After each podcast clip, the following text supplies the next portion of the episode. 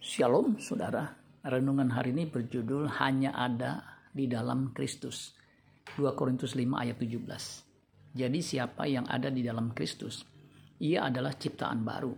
Yang lama sudah berlalu, sesungguhnya yang baru sudah datang.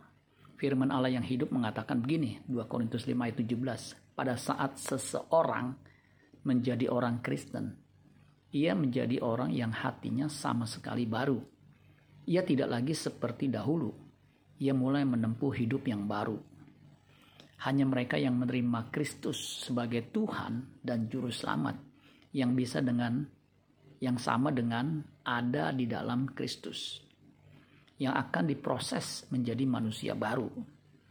Keselamatan sesungguhnya adalah ketika manusia berubah menjadi ciptaan baru atau manusia dengan kodrat ilahi dan itu hanya dimungkinkan oleh karya Kristus.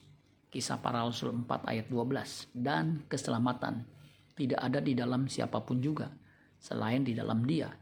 Sebab di bawah kolong langit ini tidak ada nama lain yang diberikan kepada manusia yang olehnya kita dapat diselamatkan.